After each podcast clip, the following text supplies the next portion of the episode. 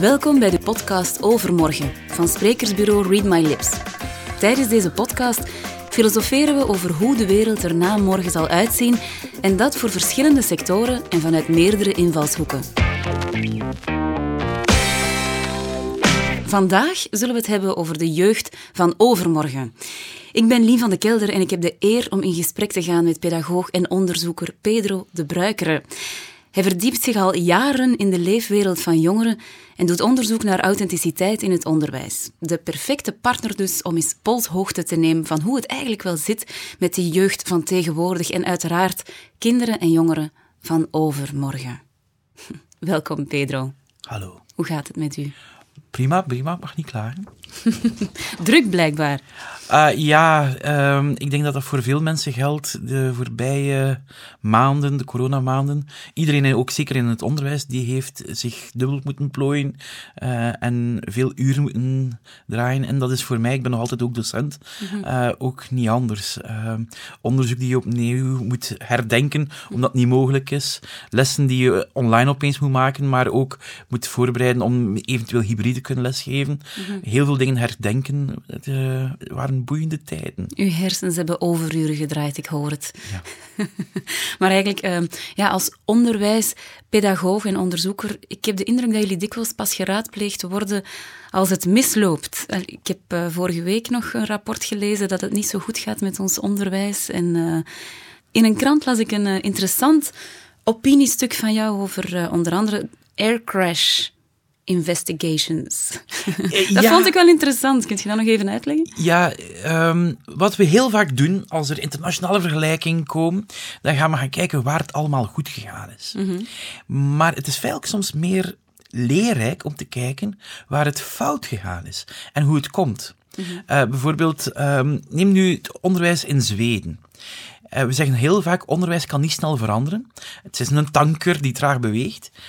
Um, Zweden is de uitzondering nergens ter wereld heeft een land zo snel zijn onderwijs kapot gekregen als in Zweden.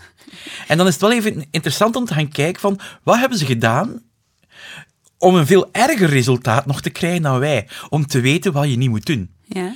In Nederland uh, heeft men in 2007, 2008 een dergelijke commissie in het leven geroepen. Ze hebben gezegd van, we hebben de voorbije twintig jaar ons onderwijs heel vaak aangepast, maar de resultaten zijn achteruit gegaan. Mm Laten we nu eens gaan kijken hoe dat komt, om die fout in de toekomst niet meer te maken. En dus, terwijl iedereen denkt van we moeten naar Finland kijken, want daar en daar en daar, dat doen ze dat. Ja, maar wat weinig mensen weten, Vlaanderen, die scoort beter dan Finland op veel vlakken.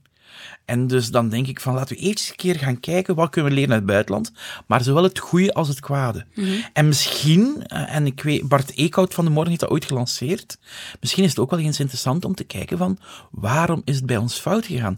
Want dat is de, de grootste moeilijkheid op dit moment. Um, we zien dat het achteruit gaat. We hebben heel veel evidentie daarvoor.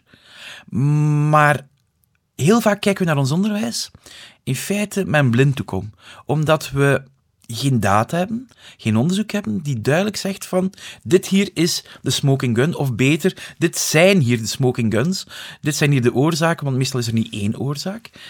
Maar heel vaak is het nog vandaag gissen uh, wat de echte redenen zijn. Ja.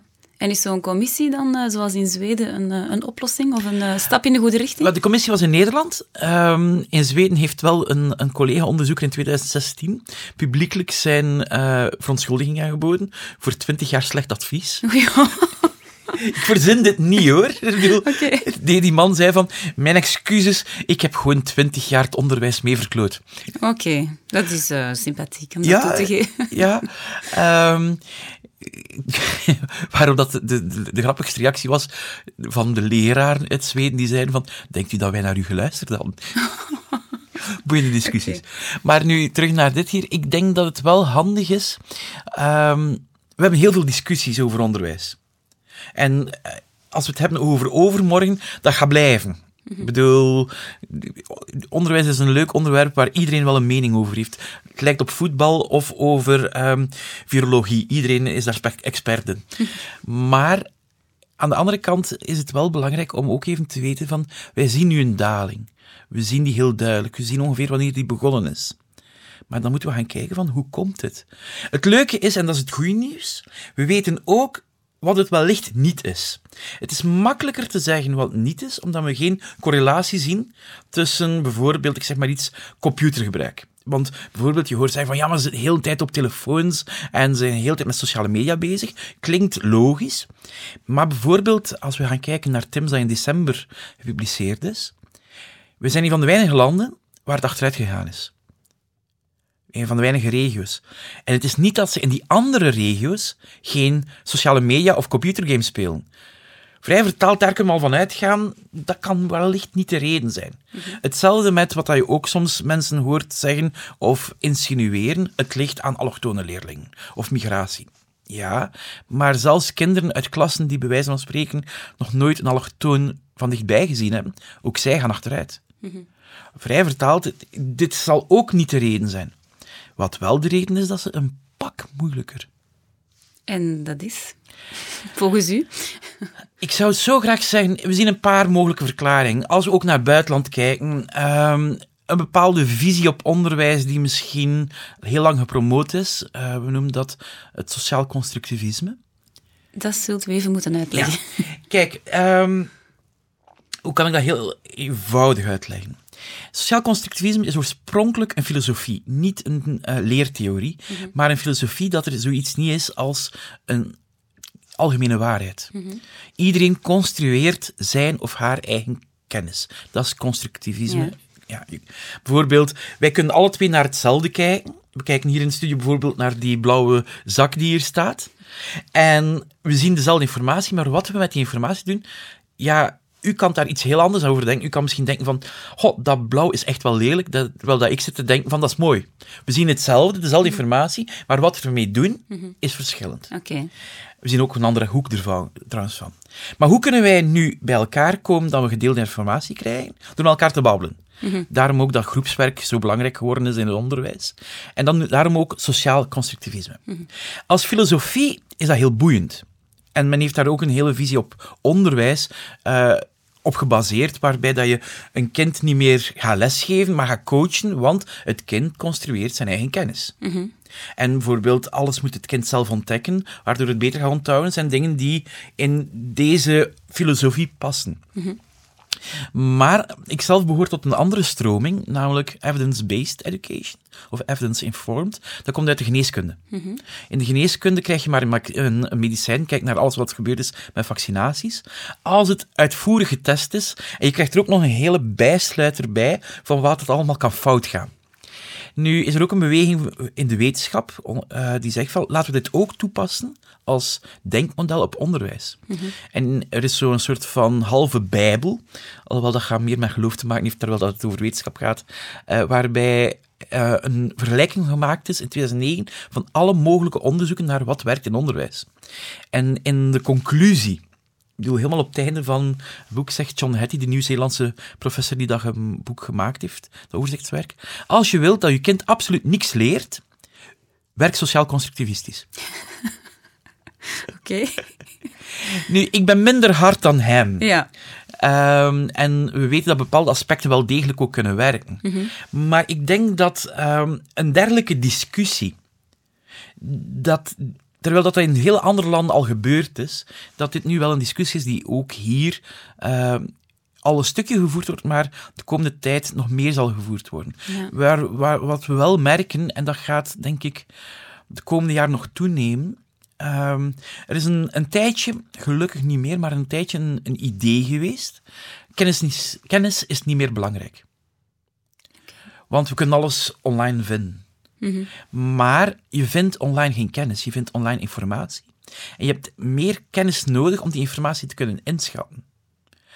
Dus als je ziet nu de eindtermen, het woord dat daar bijna het meest of het vaakst in voorkomt, is kennis omdat je het wel nodig hebt, maar kennis is veel, heel ruim.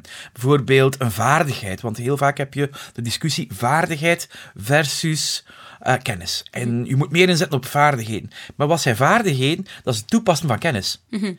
Dus daarvoor heb je ook kennis nodig. Trouwens, uh, moet je een leuk weetje weten? Ja, met plezier.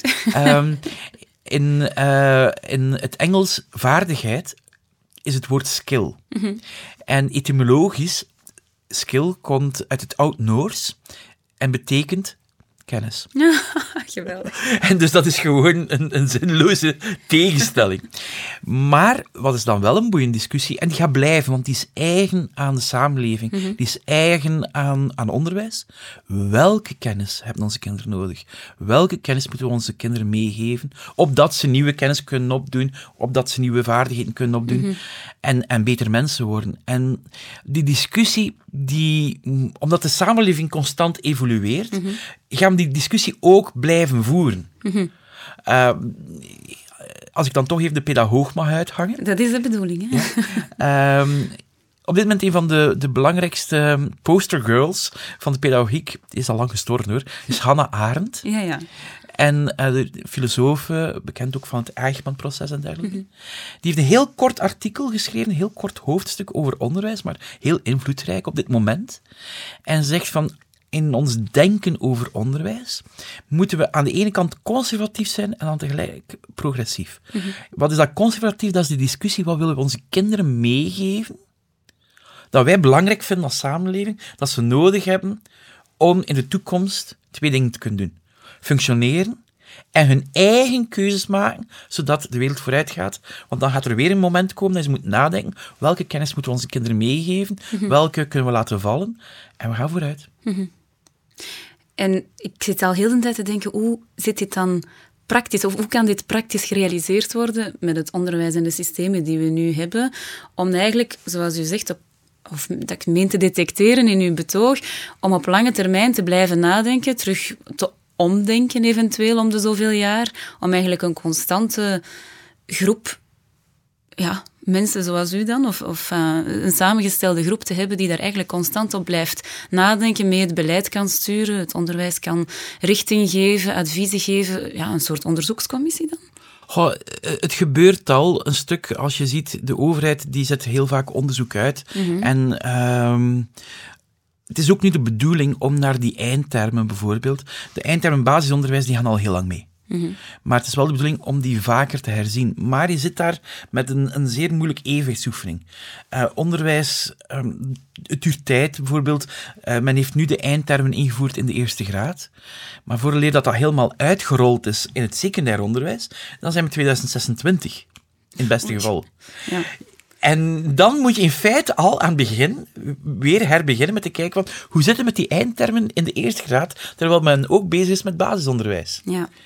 En dus dan blijf je constant veranderen en dan kunnen ook leraren het gevoel hebben van ja, maar moeten wij nu opnieuw alles weer aanpassen? Mm -hmm. Nu, tegelijkertijd moet je dat ook niet overroepen. Um, er zijn, terwijl de mensen heel vaak denken, de wereld verandert zo snel. Ja, maar er blijft ook heel veel gelijk. En soms gaat het over waar kijk je naar. Mhm. Mm. Bijvoorbeeld de regel van drie, die werkt nog. uh, Pythagoras, de stelling van Pythagoras, we weten wel dat Pythagoras waarschijnlijk niet bestaan heeft, maar die stelling die klopt nog altijd. Ja, ja, ja. Um, die TT-regel, als er geen nieuw spelling komt, die blijft. Mm -hmm. Dus er zijn wel zaken waarvan we weten dat moet blijven. Er zijn ook zelfs dingen die we nu weten over leren waar we in feite geen discussies meer nodig hebben. Mm -hmm. uh, als we kijken, we hebben ongeveer, ik ben een artikel aan het afwerken daarover, samen met mijn collega.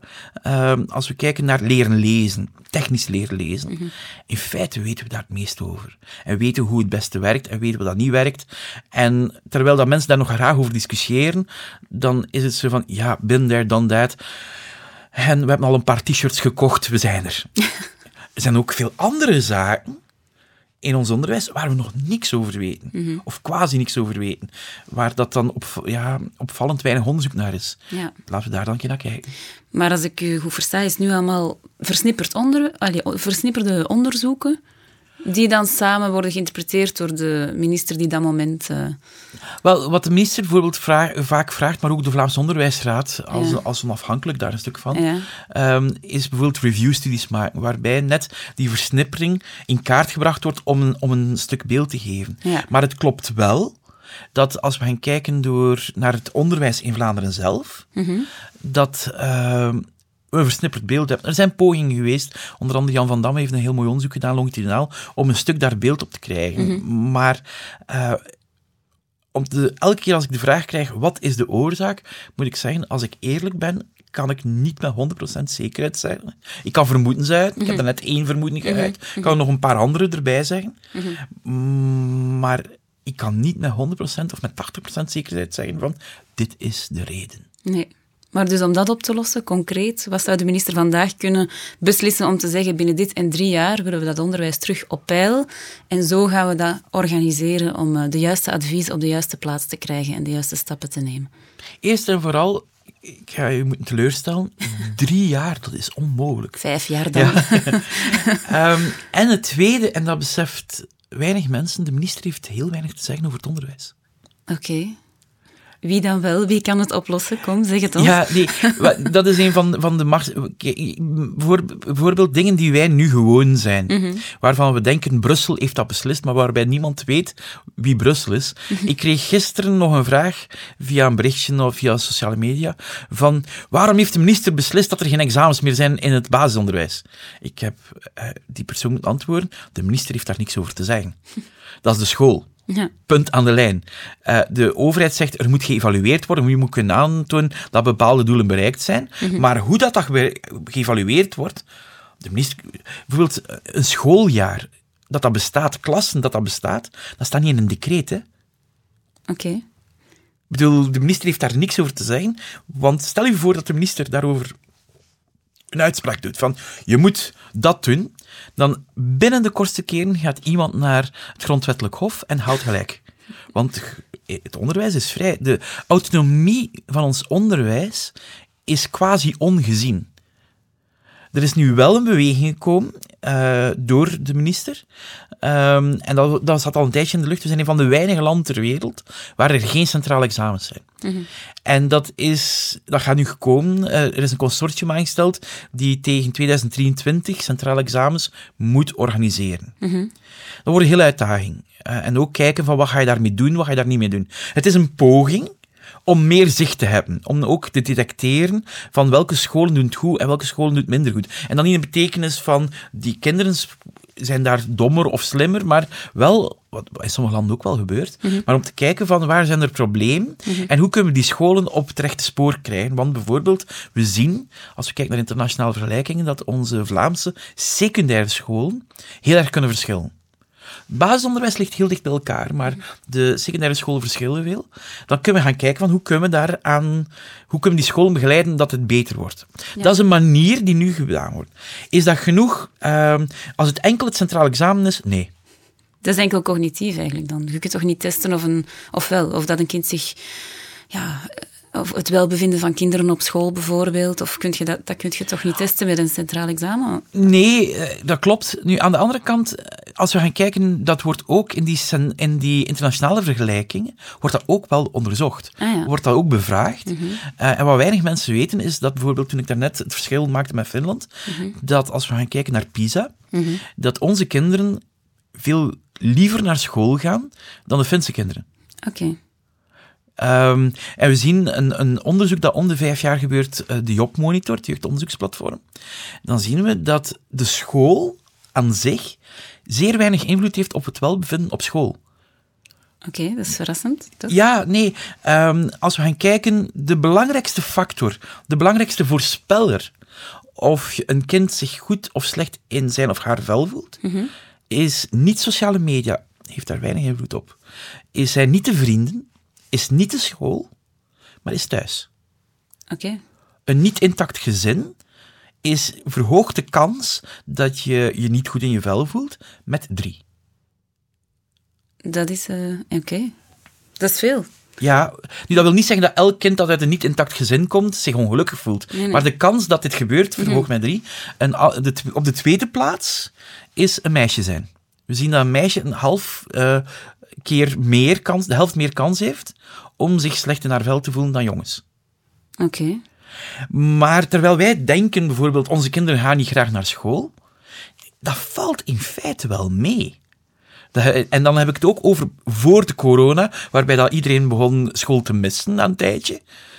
Maar voor corona viel dat dus veel beter mee dan bijvoorbeeld in landen waar we naar uitkijken, of naar opkijken. Ehm, En voorouders die dit horen nu denken, oh nee, mijn kind heeft vanmorgen gezegd dat het niet graag naar school wil. Er is iets met ons gezin, want het ligt niet aan de school. Stel eerste- ons eens even gerust. Dat, ik wil u geruststellen, ehm, dat wisselt bij iedereen. Ik bedoel, gaat u elke dag graag naar uw werk? En zo ja, welke pillen neemt u? Maar... Iedereen heeft wel een keer een off-day. Ehm, en ik heb ook niet gezegd dat kinderen altijd graag naar school gaan omwille van de school. Het kan ook voor vriendjes zijn, het kan om andere redenen zijn. Ehm, en ook heel belangrijk, ik heb gezegd gemiddeld. Dat wil niet zeggen dat er ook kinderen zijn die om andere redenen. Ik bedoel, het is drie keer meer kans. Ik heb niet gezegd dat de kans niet bestaat. Ja. Daarnet over sociale media, dat is ook iets dat heel vaak gezegd wordt. eh, sociale media maakt meer narcistisch, sociale media maakt dit, doet dat. Maar heel vaak blijkt dat eerder een symptoom te zijn dan de oorzaak. Bijvoorbeeld als we kijken naar depressieve gevoelens. Dan zien we dat heel veel onderzoeken correlaties tonen. En mensen hebben heel vaak moeite met het verschil tussen kausaal verband en correlatie. Twee dingen die samen voorkomen, dat wil niet zeggen dat het ene de oorzaak is van het andere. Naar een paar onderzoeken die we gezien hebben, eh, die een link kausaal, oorzakelijk verwant, dan zien we dat mensen die zich slecht in hun vel voelen, vaak meer sociale media gaan gebruiken. En dan is die sociale media eerder een symptoom, Ja. Gemiddeld gesproken, dan de oorzaak. Ja. U hebt het daar juist al even kort aangeraakt. Hè? De, de pandemie, COVID, de invloed daarvan, zich slecht voelen. Ehm, Ja. ja. het is overal nu natuurlijk. Hè? Klopt. zelf heb ik twee kleine kindjes, zes en zeven. Ehm, de grote zitten al eh, op de universiteit, eh, waar ook veel impact is natuurlijk. Maar bij die kleintjes, ik hoor toch dikwijls over leerachterstand door COVID. Ehm, ja, is dat echt zo actueel? Gaan die echt nu door... Ondertussen zijn ze... Ja, op die leeftijd zijn ze nu terug wel naar school aan het gaan natuurlijk. Hè. Ze hebben vier, vijf maanden gemist vorig jaar, vier maanden. Allee, gemist. Van thuis uit begeleid geweest. Wat is de concrete impact die dat kan hebben? Toen de pandemie begon, ehm, hebben we verschillende onderzoekers voorspellingen gedaan, waarvan iedereen hoopte, wij in Kluis, dat ze niet zouden uitkomen. En wat voorspelden we? Dat er achterstand zou ontstaan, omdat we gezien hebben hoe dat, dat speelde bij eh, stakingen, bijvoorbeeld, of bij, we weten het effect van lange zomervakanties en dergelijke meer. Maar we hielden altijd een slag onder de arm, omdat er ook online dingen gebeurden. En dat het niet is gelijk een schoolstaking dat er geen aanbod is, of zoals een, een zomervakantie dat er minder aanbod is. Nu hebben we echte cijfers. En die cijfers hebben we van zowel Vlaanderen, onderzoek van Christophe de Witte eh, van Leuven. We hebben cijfers uit Nederland, UK, Frankrijk, Verenigde Staten. En overal is de tendens hetzelfde. Gemiddeld is er weinig geleerd, is er een achterstand. In, eh, Nederland heeft de, toen, de eerste lockdown, was een van de lichtste lockdowns in Europa. De scholen zijn negen weken dicht geweest. Gemiddeld is er niets geleerd. En dat is heel hard voor al die onderwijsmensen die zich keihard ingezet hebben. Maar ze hebben erger voorkomen, want in andere landen zien we dat er ook achteruitgang geweest is. Maar het cruciale woord hier is gemiddeld. Want wat zien we? Dat de verschillen tussen kinderen enorm zijn toegenomen. En dan zie je dat er sommige, een klein groepje, er zelfs voordeel van gehad heeft. Eh, bijvoorbeeld kinderen die thuis gewoon omringd zijn. De ouders hadden eh, niet te veel om handen, waardoor dat ze heel veel les konden zelf geven. Of in, kinderen die heel introvert zijn, die nu eindelijk aan bod konden komen. Ja. Of kinderen eh, die in een heel moeilijke klas zijn, met veel lawaai, maar die nu ongestoord konden leren. 10, 12, 15 procent, als ik zo kijk over de onderzoeken heen, die hebben baat gehad van de crisis. Ja. De meerderheid niet. En een hele belangrijke groep, die hebben een enorme achterstand opgelopen. En welke groep is dat dan juist? Dat gaat heel vaak, niet alleen, maar gaat heel vaak gepaard met eh, sociaal-economische achtergrond. Ja. We zien dat de armste kinderen, de kinderen van laagst opgeleide ouders, laagst opgeleide ouders, onderzoek van Thijs Bolle uit Nederland, die vinden onderwijs even belangrijk, hebben even vaak echt erop aangedrongen dat de kinderen voor school bezig zijn. Maar voelden zich bijvoorbeeld niet in staat om de kinderen te helpen. Ze voelden zich daar onzeker over. Het is ook veel makkelijker om in een rustige slaapkamer voor school te werken dan met vier kinderen in een appartementje met drie kamers. Ja. En we zien dat die ongelijkheid, die unfairness, enorm is toegenomen. Ehm, in de Verenigde Staten is het zelfs nog dramatischer. Daar zien we, eh, men heeft dat heel mooi kunnen bijhouden, dat enkel de superrijke kinderen gewoon voortijden. Maar ook middenklasse, lagere en lage sociaal-economische klasse, dat hun onderwijsprestaties ingestort zijn. Mooi. Heeft u daar be beleidsadviezen voor? Want dat is wel eh, een Ehm, serieuze impact natuurlijk. Klopt. En een paar van die dingen zijn ook ondertussen ingevoerd. Ehm, bijvoorbeeld eh, die zomerscholen was een echte poging om dit al een stuk ongedaan te maken. We zien in Nederland ehm, dat heel erg ingezet wordt op de meest effectieve vorm, eh, het werken met tutoren, waarbij kinderen bijles krijgen van mensen die ook weten hoe dat het het best aanpakt. Ehm, en we gaan moeten keuzes maken. Keuzes maken eh, welke leerstof we centraal stellen en welke leerstof die we eventjes achterwege laten. Want je kan kiezen voor we gaan breed, maar dan bestaat het gevaar dat we van veel dingen niet veel weten. En dat vooral ook die basisvaardigheden zoals lezen en rekenen, die nu al onder druk stonden, nog meer onder druk komen te staan. Of we gaan maken dat die goed zitten, samen met ook sociale vaardigheden die, die echt als kern zitten, om te maken dat ze wel verder mee kunnen. Ja. Maar het grootste gevaar is, ik denk binnen anderhalf jaar. Ik ga je uitleggen. We hebben, op dat moment ga je beginnen merken dat eh, corona hopelijk een, een kwaaie droom uit het verleden is. Bijna iedereen is gevaccineerd. ehm, mooi, het leeft niet meer. En we zijn weer in het gewone leven van alle dag. Maar als we gaan kijken terug naar die onderzoeken, bijvoorbeeld schoolstaking en dergelijke meer, dan zien we dat die effecten vijf jaar later, tien jaar later, nog altijd merkbaar waren. Maar misschien gaan we dan beginnen denken van, het is niet meer nodig. Ja, ja, oké.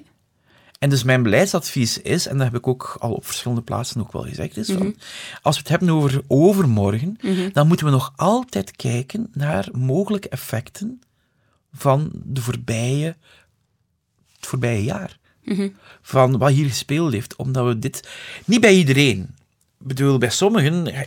Fantastisch, hè? We hebben nu bijvoorbeeld... Ja, u had het net over de universiteit. We hebben ook een onderzoek eh, uit Spanje dat, de, dat daar de studenten in het hoger onderwijs beter gepresteerd hebben.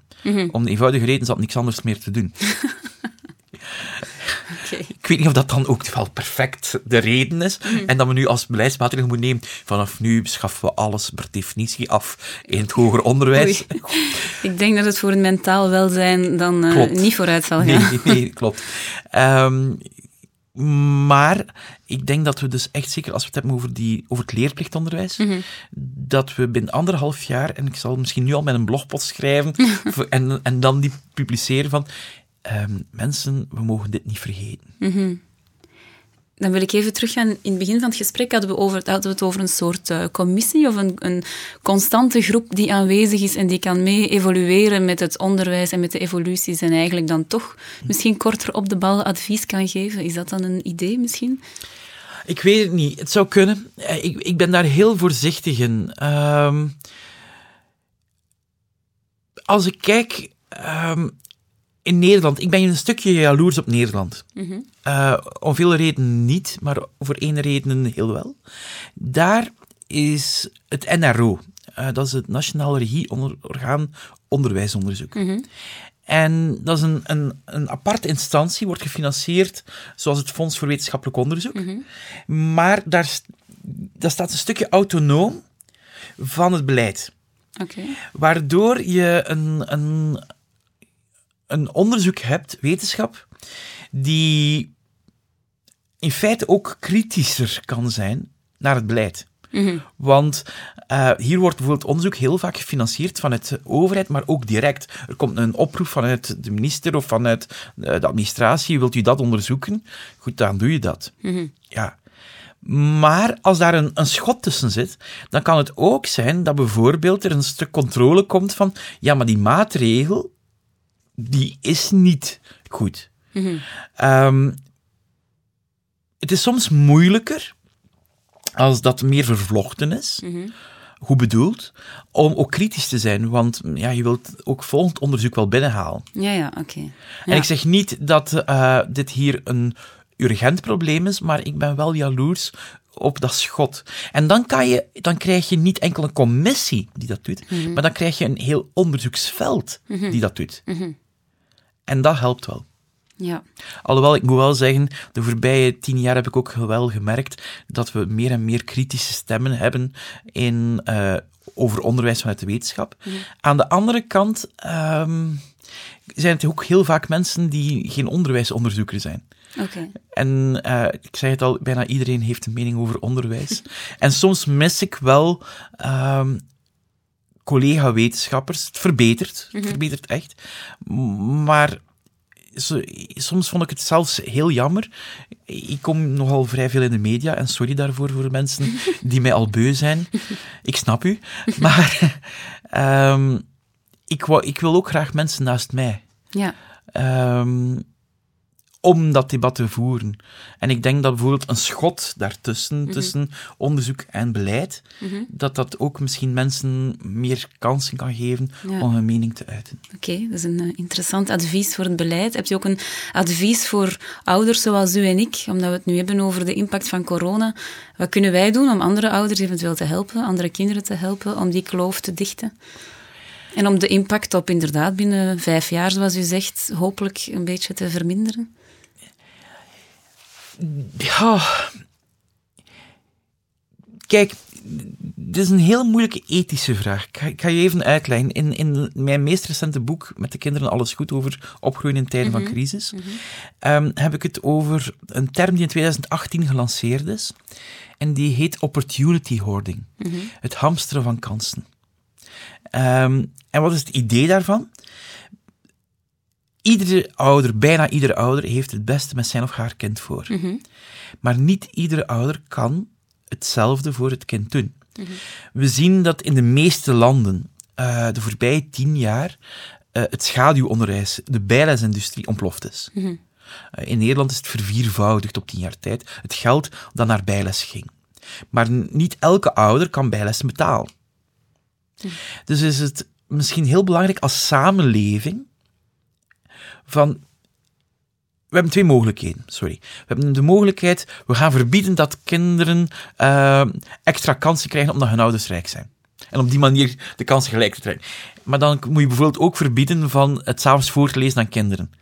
Het andere is, ouders mogen dat blijven doen. En ik zou dat ook aanraden. Ja, ja. Maar we moeten misschien ervoor zorgen dat er voorlezen aan huis is. Wat, sommige, wat al heel veel lerarenopleidingen trouwens ook doen.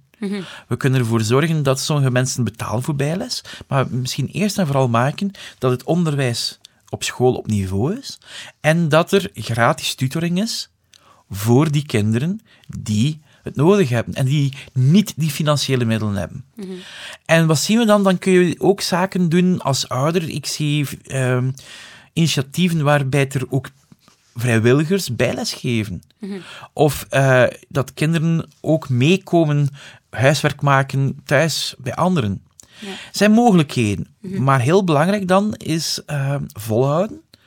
Ja. En ehm, ook af en toe een, een beetje begrip opbrengen voor de, de school en de leraar, die probeert voor iedereen zijn of haar best te doen. Ehm, waarbij heel vaak ook dat vergeten wordt. Zo van, waarom heb je mijn kind dit niet laten doen? Ja, ik had er nog 27 anderen. ja. En, en daar ook wat begrip voor hebben. Het is altijd een evenwichtsoefening, maar het kan ook al helpen. Ja. Nu we het toch over die ouders hebben, zijn er ook eh, positieve conclusies te trekken uit de coronaperiode? Ehm goeie vraag. Ehm, als we gaan kijken... Daar moet ik echt over nadenken. ja, omdat we heel vaak ook naar het negatieve kijken. Ja, hè. voilà. Ja, en, en voor alle duidelijkheid, als we het over het gezinsleven hebben, dan zijn er een paar ontstellende cijfers geweest. Ja. Ehm, we zien dat ehm, er 80% meer klachten waren over kindermishandeling tijdens lockdownperiodes. We zien dat het welbevinden ehm basisschoolkinderen. Tijdens de lockdown, 57% van de kinderen voelden zich goed. In september, toen de school weer open ging, 82%. Dus je ziet dat daar... Groot verschil, ja. Ja. Aan, ehm, maar tegelijkertijd, als we dan naar iets positiefs gaan, ik denk wel dat er een stuk meer begrip gekomen is, wederzijds begrip, naar, tussen ouders, kinderen en school. Kinderen die ook beginnen door te hebben van, mama en papa die werken dus echt wel vaak. Ehm, ouders die doorhebben van, lesgeven is dus echt niet zo makkelijk. Eh, leerkrachten die eh, ook begrijpen van, voor veel ouders is dit ook zwaar geweest om dit allemaal te combineren. ja. Ehm, het klinkt bijna als bond zonder naam.